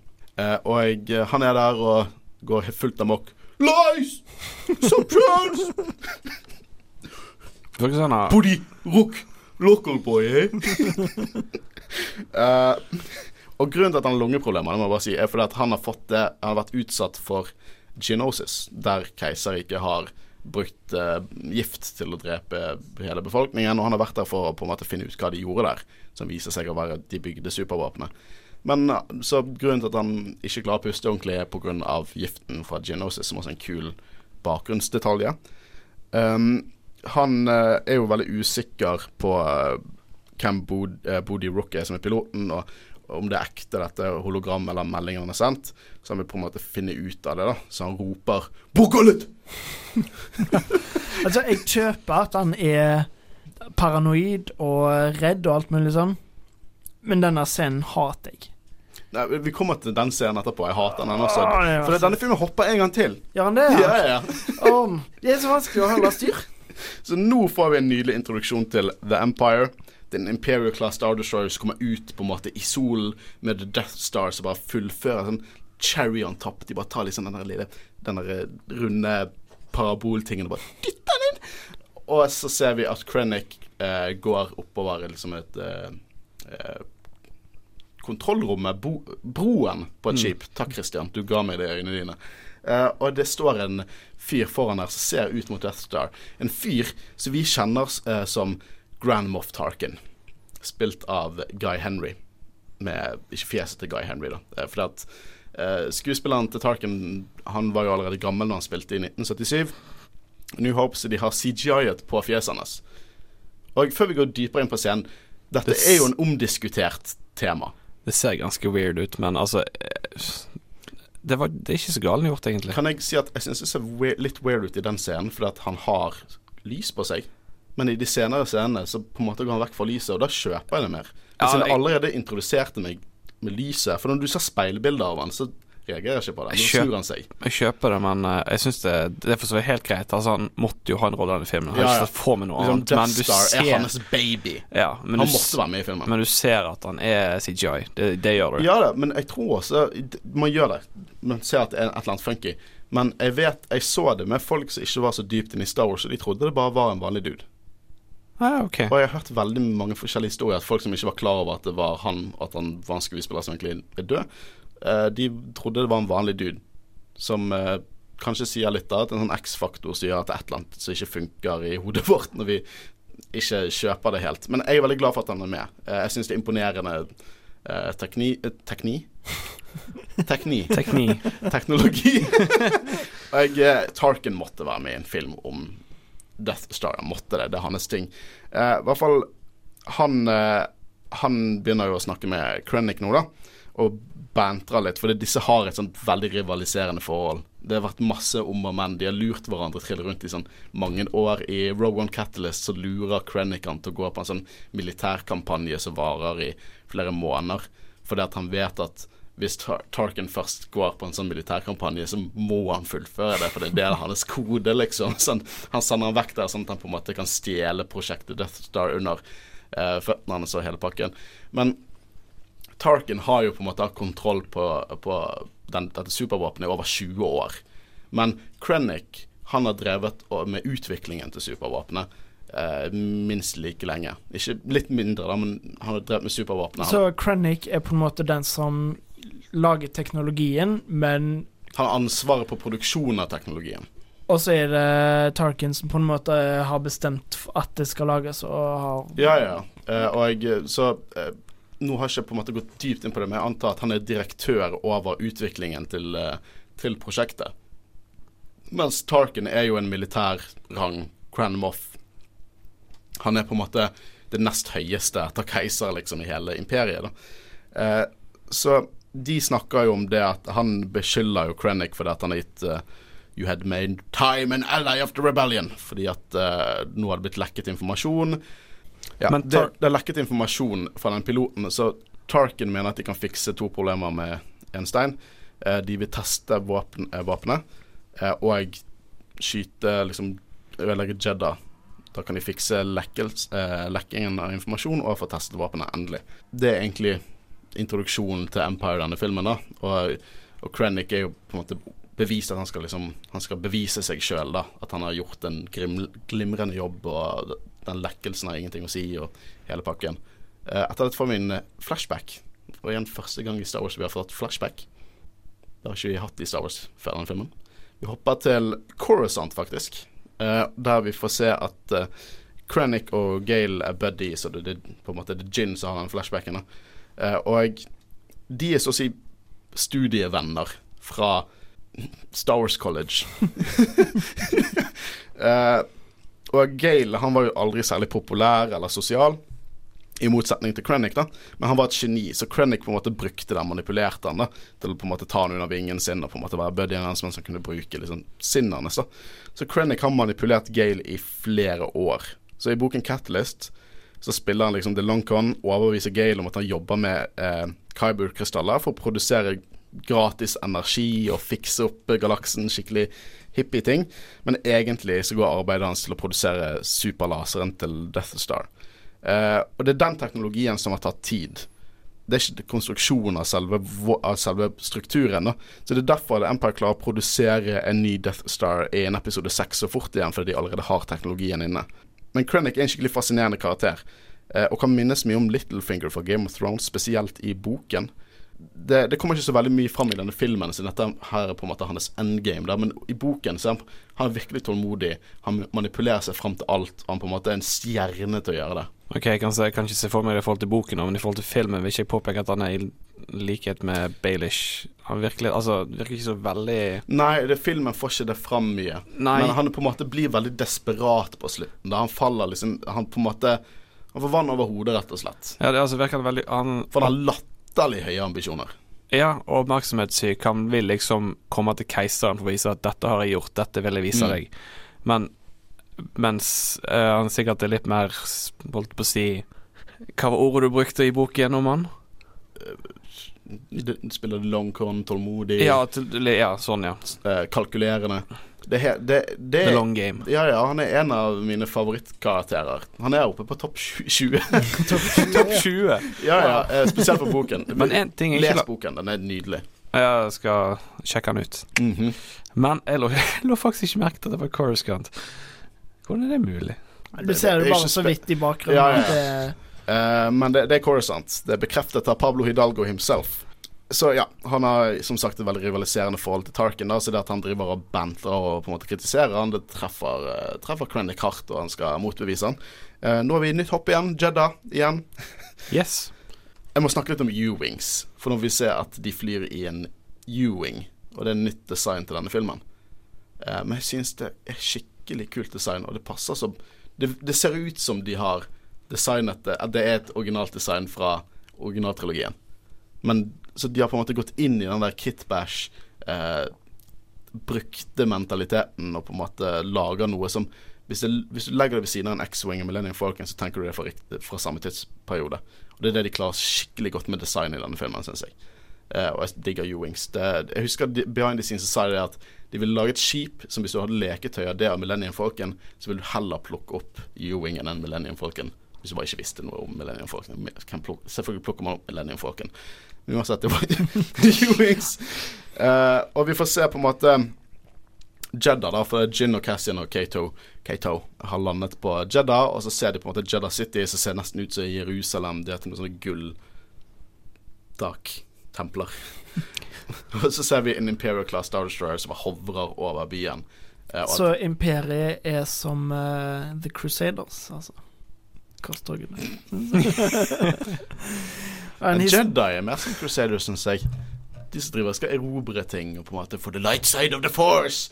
Uh, syns jeg noen kan argumentere for det. Men uansett, jeg liker bildet her. Jeg liker musikken her. Uh, jeg syns det Skulle se hvor lang tid Håkon brukte på å tenke frem et svar der. Ja, jeg gjorde det. Eh, Men uh, Og eh, de skal jo snike seg inn, og det er mye morsomme dialog her fra Kato og SO. Uh, for det, Gin er jo redd for å ta han med inn, for det at uh, kaller han en target practice. Eh, og uh, fordi at halve byen vil drepe han, og halve byen vil reprogrammere han. Altså er, han, er hun redd for at de skal skyte han og eller, eh, sikte på han og treffe hun, og han sier Det høres ikke så galt ut. Å, digger Kato. Den beste kommer jo når vi er inne i byen, men vi kommer til den. Ja, ja, ja. uh, nå får vi den scenen som både jeg og deg hater, eh, Håvard. Uh, jeg vet ikke om du hater den, men det er Borgullet! For et Tentakelmonster som skal lete i tankene til Bodhi og finne ut hva, hvor han er lojal, eller noe sånt. Uh, det, dette er hovedgrunnen til at jeg tror at hver eneste Star Wars-film trenger et Star Wars-monster. For det er bare en checklist. Det som skjer her, har ingen effekt. Ingen effekt i resten av filmen. Hvorfor er det der? Og det er derfor jeg eh, Det er ikke bare derfor jeg ikke liker det, men det er noe med design òg. Altså, det har alltid vært monstre i Star Wars. det er for min del hovedsakelig at det er ingen effekt i filmen. Men det, det er så in your face på, om det, liksom. Det er så lite eh, Det er så fokus på det. Ja, og Men altså, Nei, jeg liker det ikke. Borg Gullet han skal på en måte ta på Bodhi, sånn, legge tentaklene sine rundt den og så lese tankene hans. For at uh, Sogara er helt sikkert redd for at kanskje denne meldingen er fake, eller kanskje det, de lurer det ut til en felle. Så eh, For det Først så tenkte jeg ok, en har allerede meldingen, kan ikke bare spille meldingen og så finne ut om han snakker rett galt eller ikke. Men det er etablert i Cannon at folk kan tukle med hologrammer, og det kan jo hende at for hans øyne at Gale lyger, og han er en keiserlig dude som er sendt for å dra de ut i konflikt og bli ødelagt. Så han skal finne ut om Bodhi snakker sant, og en av bieffektene til å på en måte klemme på Borg Gullet er at du kan bli gal. Det, det, det, det er hele scenen. Og det har som sagt ingen effekt senere i filmen. Nesten ingen effekt. Eh, nå får vi se Gin og Cassian som går gjennom byen, og så får vi to kjente ansikt. Eh, Ponda Baba og Dr. Eversan. Eversan. Det er type ah, Jeg visste ikke hva de heter, men det, det gjør det bare mye bedre. Og de går inn i de, og de blir sinte. De, er jo, de blir jo sinte i New Hope også, nå, og så tar Obi-Wan og kutter av armen til eh, Ponda Baba. Fordi de driver og angriper Luke. Det er samme folkene. Og det er litt rart at de er her. For de, de er på en måte De er to sentrale lokasjoner for sånn opprøreraktivitet og ting som skjer i sagaen. Så først er de Jedda, og så tilsynelatende rett etter dette drar de til Tatooine for en, for en liten space-øl på kantineren, for så å miste armen til Obi-Wan Kenobi. Rett etter dette. Kan hende de flytter. Hm? Kan hende de flytter bort der. Altså, Ja, de, de, det er derfor de, de flytter. De, Ja, ja. Jedda er jo ødelagt, så Ja, altså, hvor skal de bo? de vet jo ikke det ennå. Men ok, grunnen til at de er her, er kjempemørkt. Det er kjempemørkt. Kom de seg unna eksplosjonen? Ja, det de er jo New Hope. Ja, det var liksom eh, How? De dro. Å, så de flytta? Jeg vet ikke om de flytter, om de er som flyttelass, eller om de er som roommates. Men de, de kom seg vekk fra Jeddah i hvert fall. Men i hvert fall eh, Dr. Evazan Evazan Han har eh, jobbet med ulovlig kirurgi på Jeddah. Han lager såkalte decraniated, som er mennesker der de fjerner halve hodet. Det er bare haken igjen, og så erstatter hjernen med eh, liksom, syn liksom syntetiske eller mekaniske deler for å lage så å si cyborg-slaver til underverden. Mørke greier. Du kan til og med se i Solo, så tar eh, han eh, Han er Voss, eh, han skurken. Han mafiaduden i Solo. Han eh, bruker en av de decraniated som på en måte tjener. Mørkt greier. Og, grunnen, og de er der på flukt fra en dusørjeger som heter Tam Posler. Eh, som også, du kan se disse i bakgrunnen, liksom. Han leter etter de to av dette her med decraniated, og han vil på en måte ta det ut. Eller han er ikke han er mer Han er, han er en dusørjeger, ja, men han er mer en på en måte sånn moralsk dusørjeger. Det er mer hvis Batman hadde blitt en bounty hunter. og han har veldig kult design. Eh, du ser han så vidt. Han ser nesten ut som en sånn First, first Price Bobafett. Han har til og med en sånn rangefinder som Bobafett har. Og det, jeg liker veldig godt at de har en sånn backstory til hvorfor de er der, og at dette skjer parallelt med filmen. Det er jo ikke noe stort fokus på det. Dette er jo egentlig fra Divisional Guide til Rogue One. som er latterlig stor. Det er en sånn coffee table eh, eh, verdt å kjøpe. Um, det er fullt av sånne små tidbits av dette her. Nå får vi se litt dette her med ulike force-religioner. Uh, for det nå er jo de midt der, på en måte kjernen av religionen som handler om the force. Du får se utallige forskjellige religioner eh, og sånn in universe kulturelle antrekk. Og alle disse kulturelle antrekkene har en liten backstory. Jeg skal ikke gå inn på alle, eller noen av de for den saks skyld. Men eh, det er kult, eh, og vi får se det at eh, Jedi og Sith er ikke liksom eksklusivt til The Force. Kanskje det som er kanskje det mest sentralt til The Force, men det er ikke eksklusivt det som omhandler der. Eh, og da får vi også eh, se med liksom The Guardians of the Wills. Og Guardians of the Wills det er inspirasjon fra old, old, old school canon. For den første på en måte draftet til, Luke, nei, til Josh Lucas var Journal of the Wills. Og The Wills er eh, på en måte elementale vesener som visstnok har skapt universet og eh, The Force. Eh, så dette er referanser til gammel, gammel canon. Eller hvis det en gang var canon. Jeg vet at Wills er delvis canon nå fra eh, A Certain Point of View. Det er en historie om Toril som skriver Star Wars-sagaen. Så de begynner med A Long Time Ago in a Galaxy Far Away. Ja, for det var vel det på en måte konseptet med Star Wars skulle være. At uh, det var noen som fortalte det. At Ja, det er derfor det er a long, long time ago. mm. Så, det var det Will som skrev det, på en måte. Så jeg syns det er skikkelig morsomt at uh, de har tatt det med i uh, Rogue One og gjort det til en del av universet. Det er Mm. kult. Nå blir vi interessert i Chim Chirrut Imwe. For noen navn. Chirrut Imwe. Imwe. Imwe. Eh, som er på en måte en blind Guardians of the Wills. Helt klart force sensitive. Uh, han senser at uh, hun har en kyberkrystall rundt halsen sin. Og så på en måte får vi litt backstory på kyberkrystaller. Det var det som uh, startet lightsaberne til eh, Jediene. Ga de, ga de på en måte power. Eh, og at eh, han sier sånn the, the strongest stars have hearts of kyber. Ja, det er jo nå vi får hilse på Nights of Ren. Driver du og hinter til han Matt Pat sin teori her? ja, det var en teori om at eh, alle disse hovedpersonene var Nights of Ren. Det var helt klart tull. Jeg skammer meg litt for at jeg kjøpte den teorien en liten stund før jeg så Rogue One. Uh, men jeg liker også veldig godt at de beskytter liksom en Kyber-tempel selv om Jediene er døde eller vekke. Det er på en måte det sånn Base som står bak han da, han er jo på en måte Han var kjempereligiøs, men han holder på en måte fast på ingenting nå. Jeg syns det er veldig fascinerende. Det er litt fascinerende, men det er jo litt rart, fordi han virker så Altså, han, han virker som om uh, Imwe uh, er en idiot fordi han tror på The Mm, Force. Jeg, jeg tror han er der kun fordi Chirrut er der. Jeg liker veldig godt forholdet mellom de to. Eh, det er litt som et gammelt ektepar til tider.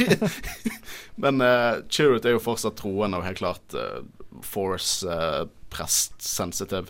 Mens uh, Base han står liksom der og passer på uh, Imwe istedenfor. Det er jo veldig stor sånn Du merker at keiser ikke har stor kontroll på denne byen. Du ser liksom det at de, de har sånne tanks gjennom gatene og sier sånn 'Citizens of the Empire'. Det, det er kjempekult. Og sånne små eh, hologramplakater for å finne eh, Bodie Rock, som er den piloten. Eh, og det, det på en måte bygges opp mot en liten konflikt her, da. Jeg må bare si at eh, vi får se noen av disse partisans, disse ekstremistopprørerne til Saw Gerrera, som lader opp til kamp. Og vi får se en liten alien der, spilt av, eh, av Warwick Davies, som vi også kjente som Og dette fant jeg ut. Karakteret til full, Fullnavnet til Wicket for Return of Jedi. Det var en Ewoken som eh, Warwick eh, spilte. Eh, den Ewoken heter Wicket W. Warwick. Lol. Eh, så det var det, Ewoker har jo sånn etternavn og mellomnavn. um, og nå er det en kamp mellom eh, partisanene, eller partisans, og keiserriket. Eh, og vi får se for eksempel en sånn ny tanks, bokstavelig talt en tanks med en sånn tank commander. Veldig kult design. Må bare si det er mange kule Stormtrooper-designs i denne filmen. Eh, og eh, nå igjen nå hører vi sånn De kaller disse rebelsene for terrorister. Og vi får se litt sånn close quarter-kamp, uh, urban warfare, mellom, uh, mellom, mellom de to ulike faksjonene. Altså, jeg vil jo si at uh, det er ikke bare Imperiet som kaller de terrorister, for de er jo det. Altså, Mm. de bare sprenger og De, de driter litt i hvem som kommer i crossfire. For eksempel Gin redder jo en liten jente. Eh, og eh, og eh, Cassian tar jo skyter en av de partisans fordi at han kommer til å drepe Gin hvis han angriper de stormtrooperne. Så jeg liker igjen gråsoner. Ikke sant, Christian? Ja, Men eh, eh, du Altså, there's always casualties. ja, ja men jeg bare, jeg bare syns det er kult at uh, Rogue One fokuserer litt på det. Mm, ja. Eh, vi får se sånn ATSD som går i gatene. Det var nydelige bilder fra liksom, old school uh, Star Wars. Jeg digger det. Agreed. Og de stormtrooperne er latterlig ubrukelige. Ja, men det Altså Ja, for det, eh, Cassian og, og Gin Goy liksom angriper angripe litt stormtroopers. Hva skal de med rustning? De, blir slått ned av pinner, liksom. De kunne like gjerne gått naken. Det er ingen effekt whatsoever. Det er så klart at Death Trooperne er litt badass i denne filmen. For stormtrooperne Kanskje de ikke har på seg noe under? Nei, men de, de, er, de er nesten mindre brukbare enn de var i originaltrilogien i denne filmen, syns jeg. De, de er bare comedic effect. Ikke at jeg har noe problem med det. Jeg elsker å eller, jeg gjør ikke, Det er gøy å se Stormtroopers bli banket, for all del. Det er det som er Star Wars. Nå eh, møter de på um, K2SO, som redder de på en veldig morsom måte.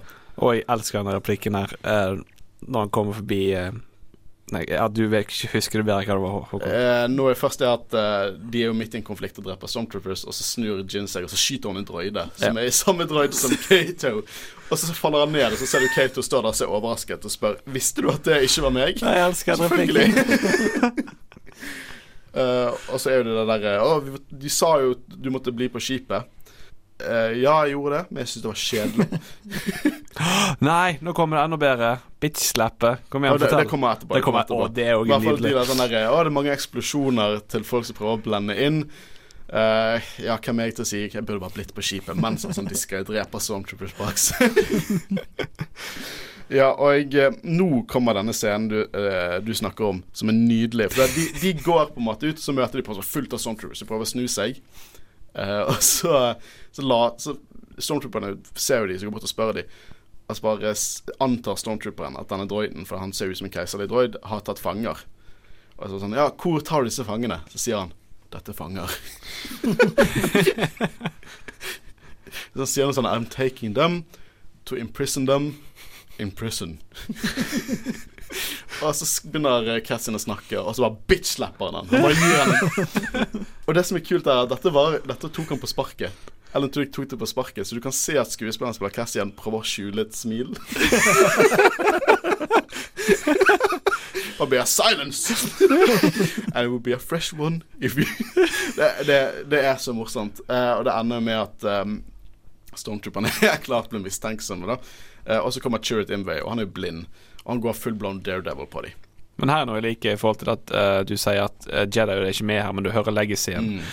Og med han karakteren der, så hører du òg legacyen til kraften. For at Ja, ja. når han sier det fantastiske sitatet I'm one, I'm one with the force and the force is with Ja, me. ja. Jeg digger det. Ja, det er på en måte når han chanter det for Ja. å på en måte be til det. For. Det er skikkelig kult. Og han, han banker opp Stormtroopers, uh, Daredevil-style. Uh, han på en måte hører hvor de er, og liker når Stormtrooperne bare sånn der uh, sier He's blind. Is he deaf? og så igjen Stormtrooper er helt ubrukelig. Han har en pinne! Han har en pinne! Men han har også The Force, vet du. Nei, vet du hva. Jeg bryr meg. Han har en pinne. Ja. Greit nok når Base dukker opp, for han driver jo har en sånn auto-aim OP-gun, så bare blaster ned alle. Og jeg digger Ja, dialogen mellom de bare sånn The Force did save me, save me. I saved you. for Base Malbus, han, han er jo ikke en, lenger religiøs og sånn. Men du- bare egentlig mer Chirrut. Du sier jo at kraften har en påvirkning når de bommer òg, for vi kommer tilbake til det til slutt med Scarif. Når man går bort for å trykke på den knappen, du ser jo at han sier Det er en god forklaring. Ja, at kraft, kraften er med han. Er en god un jeg vet ikke om det er en god unnskyldning, men det er en Ja, unnskyldning. selv om han kanskje ikke er force sensitive, så er kraften der. Ja, det er, kraften guider jo helt klart enkelte karakterer mot Mm. enkelte ting. Uh, jeg syns The Force er litt, uh, litt for sånn Det er ikke upartisk. Ja, men han har jo mistet ja, balansen. men jeg bryr meg ikke om de bryr seg bare om the light side. Jeg har lyst til å se Jeg har lyst til å se en film der light side briljerer. Tror ikke du kraft Eller det er kind of det er prequels. Det, det er jo basically alt går fint fra the dark side der, fordi det er bare Jedi som briljerer. Kanskje kraften hadde en påvirkning i Palpatine og hvordan han kom opp til toppen. Det kan godt hende. Men nå prøver han å balansere det Ja, opp igjen. den, den skal jo ikke være Den skal jo være upartisk. Ja, han skal det. Sant? Så det er en forklaring til prequels også. Ja. Godt, godt, godt. Godt, godt, godt. og nå er det Flink gutt. dette han legges inn av Jedi, fordi at uh, Cassian lurer jo selvfølgelig på om han er en Jedi Chirrut. Og så sier Base det er ingen Jedi her lenger, bare drømmer og tosker, Sånn han er fyren her. Og jeg, jeg digger et legacy av The Jedi. Uh, og nå kommer jo The Partisans, da, arresterer de. Og Jin stopper de, snakker med two tubes. Vi snakket jo om two tubes. Uh, og, og stopper de og sier at hun er datteren til Gail Erso, og hvis noen tar hun, så vil de måtte svare til Saw Gerrera. Så de tar sånne poser over hodet, så tar de poser over hodet til Chirrut, og så sier han 'Are you kidding? I'm blind'. Ja, det er så mye bra eh, humor i denne filmen. Men det, det er så morsomt, for det, det er kjempe Det er mye humor i denne filmen. Mm. Men det er fortsatt en veldig mørk film. Mm. Sånn tonemessig. Så de klarer det helt perfekt. Det er nesten sånn jeg tenker at Det burde vært mer humor i Revenge of the Sith. Den var nesten litt for mørk. Og de kunne klart å holde den mørke tonen med mer humor. Mm. Uh, der ga jo de full retard der i forhold til humoren til episode 1. Altså, episode 3 er bare helt motsetning. Men vi har allerede snakket om den filmen, så jeg skal ikke snakke mer om den nå. Nå kommer vi inn til The Partisans. Og det er mye kult her i bakgrunnen. Vi får se fysisk eh, Dejarik, aka Holo Chess. De, hadde, de har det faktisk med figurer, det de spilte i New Hope. Det ligger der med faktisk figurer. Er det sånn fattigmanns-The Jarek? Ja, ja, det er det. Uh, og vi får se Beezer Fortuna. Og vet dere hvem Beezer Fortuna er? Er det broren til eh, Bib Fortuna? Nesten det er fetteren. Close. Og Og, som er- Bib Fortuna, det er jo han i uh, Return of the Ja, han Jedi. penistrynet fra Return of the Jedi. Mm. Eh, og det jeg må si om Jeg må si litt, for det, det veldig, det, dette gir meg litt innblikk i på en måte Fortuna-familien. Eh, fordi at de er jo Twilex, Twilex. Og Twilex er veldig sånn seksuelle aliens, fordi at de er sinnssykt attraktive. Er de det? ja, generelt er de det. Men så har du liksom Bib Fortuna, som ser helt jævlig ut, og så har du Bisa Fortuna, som ser på en måte enda mer jævlig ut. Hvis, hvis Bib Fortuna er fuktig, så er Bizar tørr. så jeg ser for meg at de er bare en skikkelig sånn innavlet, uh, fucket familie på, uh, som bare går helt uh, andre veier enn det Bib Fortuna gikk, og, og Nei, som vanlig Twilex gikk, da. Så de ene blir kriminelle, og den andre blir på en måte freedom fighter. Så jeg syns litt synd på de to, da. Men vi får se også at uh, Partisans er ganske Man ser at alle ser litt stygt på Gin og går forbi. Og grunnen til det er at de er veldig skeptiske på henne. I deres øyne har hun så å si uh, Hun er en eh, desertør til deres sak. Så alle, de hater henne egentlig. Uh, og Gin er latterlig nervøs. Hun er livredd disse folkene, så hun går forbi, eh, forbi de og selvfølgelig selvfølgelig veldig nervøs. Nå får vi litt mer sånn forholdet mellom Chirrut og Base. Jeg digger den banteren frem tilbake, så han sitter, som du sier, Christian, og- ber om at døren skal åpne seg. Og så han eh, eh, Base er på en måte sånn Han ber om at døren skal åpne seg. Kan du tro denne tosken her, liksom? og så får litt eh, backstory at eh, Base egentlig var en veldig sånn religiøs og devoted guardian, og han nå har mistet veien sin. Og som sagt, jeg liker Det er så mange gode karakterer i denne filmen, som vi ikke har sett i tidligere filmer, for det meste. Eh, og vi bryr oss om hva som skjer med dem. Og det gjør også at avslutningen av denne filmen har liksom en impact på hva som skjer. Eh, men mer om det når vi tar det. Nå må ikke dere to hoppe for fort fram. Og det er litt sånn eh, teit, for at vi vet jo Altså, jeg visste jo fra starten av filmen at karakterene i denne filmen kom til å dø, for Mm. vi vil jo ikke se det igjen i New Hope. Men jeg, jeg var litt overrasket, jeg. Eller jeg var litt skeptisk, for jeg var litt redd for at Disney ikke kom til å la det skje. Men hvordan skal de da Men det er morsomt, for at når de, når de kom og pitchet denne filmen, sant, så kom de med ideer til hvordan karakterene kunne overleve. Jeg tror det var en, et sted at de, de er stuck i karbonitt på et skip, eller at de flyr vekk og lever sine dager unna. Så sa liksom lederen av Disney bare sånn De må jo dø. Eller hva om, de, hva om det stemte? Hva om det, de hadde en tanke om at faktisk de kunne vært a nicer friend? Jeg, jeg, jeg tror ikke de hadde Jeg tror de hadde De, la, de som lagde filmen, ville at de skulle dø. Men de nektet å tro at Disney kom til å la de. Eh, Filmen er forresten regissert av Gareth Edwards. Mm. Uh, og han er jo stor Star Wars-fan. Ja, Latterlig stor Star. Wars-fan. uh, men de dro jo til Disney, og så kom de med masse planer om hvordan de kunne overleve. Og sånn Og da Disney bare sånn Hva er det dere snakker om? De må jo dø. det er litt sånn som når, når, når Peter Jackson skulle regissere Ringenes herre-trilogien, så kom han til studio og sa sånn Tenk å lage to filmer, og de bare Du må lage tre i en trilogi. Eh, jeg setter pris på at Disney ga litt kreativ frihet til, eh, til det. Um, og nå møter jo Gin og så hverandre. Uh, og de krangla jo litt, for det så forlot henne når folk begynte å skjønne hvem hun var. Liksom datteren til en Imperial Science Officer, som er forståelig. Uh, og nå får vi liksom vite det at, uh, at ingen, ingen, kritiserer Gin Erso for å være en Mary Sue. Det er bare Ray de kritiserer. Og de, de, hun, har like, hun, har like, stor bakgrunn på en måte i overlevelse som Ray har. Eh, får vi vite at hun har blitt oppdratt så å si av en freedom fighter. Her sier jo eh, så at hun, han, hun, var en av de beste soldatene hennes i hele pakken, så vi får liksom et grunnlag til hvorfor hun er så flink til å kjempe. da. Eh, Cassian blir litt sånn overrasket når hun ser hun bare meie ned Stormtroopers med en sånn extended baton-ting som hun bruker. Eh, jeg syns hun er en veldig interessant karakter. Det kommer vi litt inn på nå, faktisk. For at de krangla jo litt, og, og så er jo fortsatt redd. Bare sånn Did they send you? To kill me? Så han er redd for at imperiet, eller kanskje alliansen også har sendt dem for Jeg tenker kanskje han er redd for alliansen har gjort det, siden de ikke har et godt forhold, til å faktisk drepe han. da At hologrammet og piloten og alt det var en felle. Gin er jo heller ikke særlig politisk av seg, da. Uh, og uh, hun vil jo gi opprørerne en introduksjon egentlig bare fordi hun må. Hun mener at saken bare har gitt henne smerte. Så jeg syns det er en interessant en forfriskende karakter. Hun er på en måte Hun driter liksom litt i alt. Hun har gode grunner til å drite litt i alt. Hva syns dere om Gin? Ja, jeg har alltid likt henne. Uh, hun er Altså, for det første så spiller Felicity Jones utrolig bra. Uh, men òg karakteren er kjempe Som du sa, han er jeg, jeg, jeg, Rund?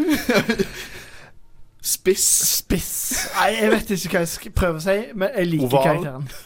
altså både med gin og uh... Realistisk! Det var det jeg skulle si. både med gin og Ray, så jeg syns det er kult. Altså female power. Kvinnelig kraften. ja, uh, uten at det på en måte blir in your face, da. Det, det, det, blir liksom ikke Det er ikke det blir ikke en agenda, på en måte. Det, det, det er ekte karakterer. Det føles ekte karakterer. Ja. De passer perfekt inn i universet, og det er det vi har. Jeg liker det veldig godt. Uh, og jeg digger de, de karakterene. Nå, det, hele den sekvensen er nydelig, for de kutter fram og tilbake fra good guys og bad guys. Det litt spørs hvem dere ser på som good guys, og hvem dere ser på som bad guys. Men det er jo ikke de, hopper fra, de hopper fra Gin og så, og så liksom Krennic, Tarkin og Death Star. Og vi får se Death Star opp ned. Det står i notatene mine. Den er opp ned. Jeg syns det er litt gøy. Den er opp ned. Spill, jeg spiller vel egentlig ingen, for, ingen, nei, nei, det spiller ingen rolle. Ikke, men vi får se Death Star opp ned, og jeg syns det er litt gøy. Fordi ja. Er det sånn uh, gravitasjonsgreier inne i uh, Death Star? Eller de er jo i space. De vil jo, da blir planeten opp ned for de, og så får planetene den opp ned. Uh, Gravitasjon. Ja, sant. Fysikk. Sant? Space. Space. nå er det litt sånn banter mellom Tarkin og Krennic, da. Krennic nevner at han håpet at Vader og keiseren skulle vært til stede eh, for liksom denne testen, og Tarkin sier sånn Ja, tenkte å spare deg eh, den embarrassmenten at de så at du feilet, liksom. Men hvorfor skal de ødelegge en Imperial Station? Eh, nå vil jo de ødelegge denne fordi at uh, Last Reminder of the Jedi, det her uh, informasjonen har blitt lekket, og de har jo evakuert alle keiserlige soldater, det sier jo de. Krennic sier all imperial personnel has been evacuated så greier de Sånn, Det tror ikke jeg eh, opprørerne hadde gjort. De hadde bare sprengt de. Og det gjør jo de senere i en kamp senere, at de bare sender en X-Wing-skvadron inn for å sprenge opp. Men uh, Empires, de, de, de, passer på, for det meste, sine, sine arbeidere. Um, nevner jo uh, Krennic at han er klar til å sprenge hele månen, men Tarkin sier ja, ja, vi, vi, ha, vi, skal lage et statement, not a manifesto. Og The holy city will do for today. Jeg synes det er så gøy. De er så onde, og så er det så ingenting. Ja, ja, bare fiks den, ødelegg den byen. Det, det, er nok for i dag. Og det også lager ikke på en måte plotthold med at første gang de ødela en planet, var Alderon. Det var første gang de testet den fulle våpenet. For de tar single reactor Eh, core ignition. Hvor mange reactors er det i Death Star? Nei, Det får du begynne på Wikipedia og lese det, Håvard. Jeg trodde virkelig at du hadde forberedt deg. Du vet jo stre strekene som kommer ut. Kanskje det der et eller annet. Det kommer ut sånne streker. Nå vifter jeg med hendene, så peker jeg. Jeg har ikke researchet alle tekniske duppeditter med det, så jeg bare vet at de bruker single reaction her, som skal på en måte sprenge byen og ikke hele planeten. Uh, så det ødelegger ikke det som er etablert i New Hope. Nå får vi også se at Bodie, som sist hadde en, uh, liksom en liten intim uh, scene med Borgullet, eh, sitter og er gal i den andre scenen, og så sier liksom uh, Base Å, det er en Imperial Pilot, jeg skal drepe han. Og så sier litt om mentaliteten til våre quote unquote good guys. Det er bare en stakkars pilot som sitter fanget, og han skal drepe han. Han sier han skal drepe han. Og så får jo Cassian med seg at en pilot som sitter der, som stopper han. Og så snapper han han ut av liksom galskap. Han sitter der og bare sier eh, helt sånn apatisk og ikke til stede, men så snapper Cassian han ut av det. da. Og det var alt Borgullet hadde å si på denne filmen. Men i boken vi får ikke engang vite om eh, liksom hva eh, Han ble jo kastet i fengsel uansett, så Ja, hva var dealen? Bodie han, sp- Jeg vet ikke hvem spiller Bodie nå, syns du det? Nei? Riz Ahmed. Ja, ok. Han uh, sendte faktisk inn uh, 50 klipp av én scene Mm. til audition. Men han fortsatte etter han fikk rollen. Han bare sa Ja. han hadde flere klipp. Så etter han han- fikk rollen, så sendte han inn flere scener. Han skulle være med i denne filmen. Og han har aldri sett en Star Wars-film før uh, denne. Men i hvert fall, så han snapper ut av det. Men i boken, Rogue One-adaptasjonen, så er det sånn indre konflikt hos han resten av filmen. Han har veldig problemer med tankene sine etter dette Borgullet-greiene. Men det er ikke mye i filmen, så det, og du ser jo ingen effekt av det, annet enn kanskje litt sånn twitchy innimellom. Men ja, jeg liker ikke Borgullet-scenen, for det gir ingenting til filmen, som sagt. Nå får vi se hologrammet med Gail Erso. Eh, og jeg, eh, det som er kul liten detalj, er at du ser det ikonet på uniformen hans. Det er en minimalistisk Death Star, basically. Eh, og jeg husker den, den, Det ikonet ble forklart i Rogue One Catalyst, og så var det så kult å faktisk se det i filmen. Vet Det er veldig lite interessant å høre meg si at det var et kult ikon når jeg hørte om det før, men det er det som er tankene mine. Eh, og jeg elsker denne scenen. Eh, denne scenen syns jeg treffer meg på liksom, følelsesmessig nivå. Eh, det er faren som snakker med datteren. Er første gang hun ser han siden hun var ung. Og selv om det er o- eh, hologram, så er det mektig scene. Du ser at det, treffer Gin mye. Eh, og samtidig så kutter vi opp og ser at eh, Death Star lades opp med nydelig musikk, på en måte, kontraster og hele pakken. Uh, og Gale forteller at han lærte seg å lyge for å skjule det faktumet at Krennic ikke lenger trengte han for å fullføre våpenet, så han utsatte på en måte produksjonen. Han sier at han har skjult en liten sårbarhet i konstruksjonen, og at opprørerne trenger blåtegningene til Death Star, Death Star, Star for å finne det. Og Nøkkel er i en ustabil reaktormodul eh, som kan ta ned hele strukturen eller systemet hvis det blir sprengt. Eh, tegningene er lokalisert på Scariff i noe som heter The Citadel Tower. Eh, og igjen, jeg elsker denne scenen. Det treffer meg, og jeg syns det er så nydelig hvordan musikken kjører inn, og Gin har den opplevelsen, og, for, og vi får høre på en måte hvordan det er nytt håp, mens Death Star bare skyter på planeten.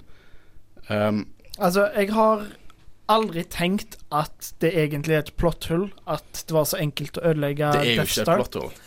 Men jeg liker utrolig godt òg at de uh, har skrevet den, fordi det, de gir liksom mer til hele Ja, ja. universet. For det, det, dette bokstavelig talt er to setninger i Eller det er én setning i uh, intro crawl til New Hope, er at opprørerne har vunnet sin st første store kamp. Det er det som skjer i denne filmen. Og det plotte hullet som noen vil kalle det, er at hvordan det er det en måte å ødelegge Death Star på en lite hull. Det er fordi at Gail Erso plasserte det fra innsiden. Så det er Jeg kjøper det. Det er kjempekult. Jeg syns ikke det var plotthold til å begynne med, men det er kjempekult, og det passer så sinnssykt bra inn i universet. mm, jeg er helt enig. Uh, og de begynner jo på en måte å, å løpe og komme seg ut derifra. Da får kommer komme seg ut fra fengselet, alle får våpnene sine tilbake. Eh, og eh, de prøver på en måte å unnslippe. Og nå får vi det at Saw Gerrera ofrer seg tilsynelatende for ingenting. Og sier litt cheesy 'Save yourself! Save the dream!' Kanskje han var litt lei.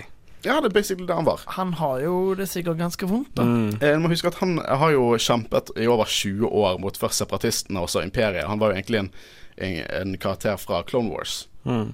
Uh, og eh, og uh, han er lei rett og slett. Han er nesten en immobil maskin nå som han har til å puste. Og det siste han hørte, var at det var håp for, at, for å redde galaksen. Og han har rett og slett ingen mer grunn til å leve. Grunnen til at han levde, var å kjempe mot imperiet. Nå finner han ut at han kan legge den saken til side og egentlig dø. Og han føler han fortjener å dø.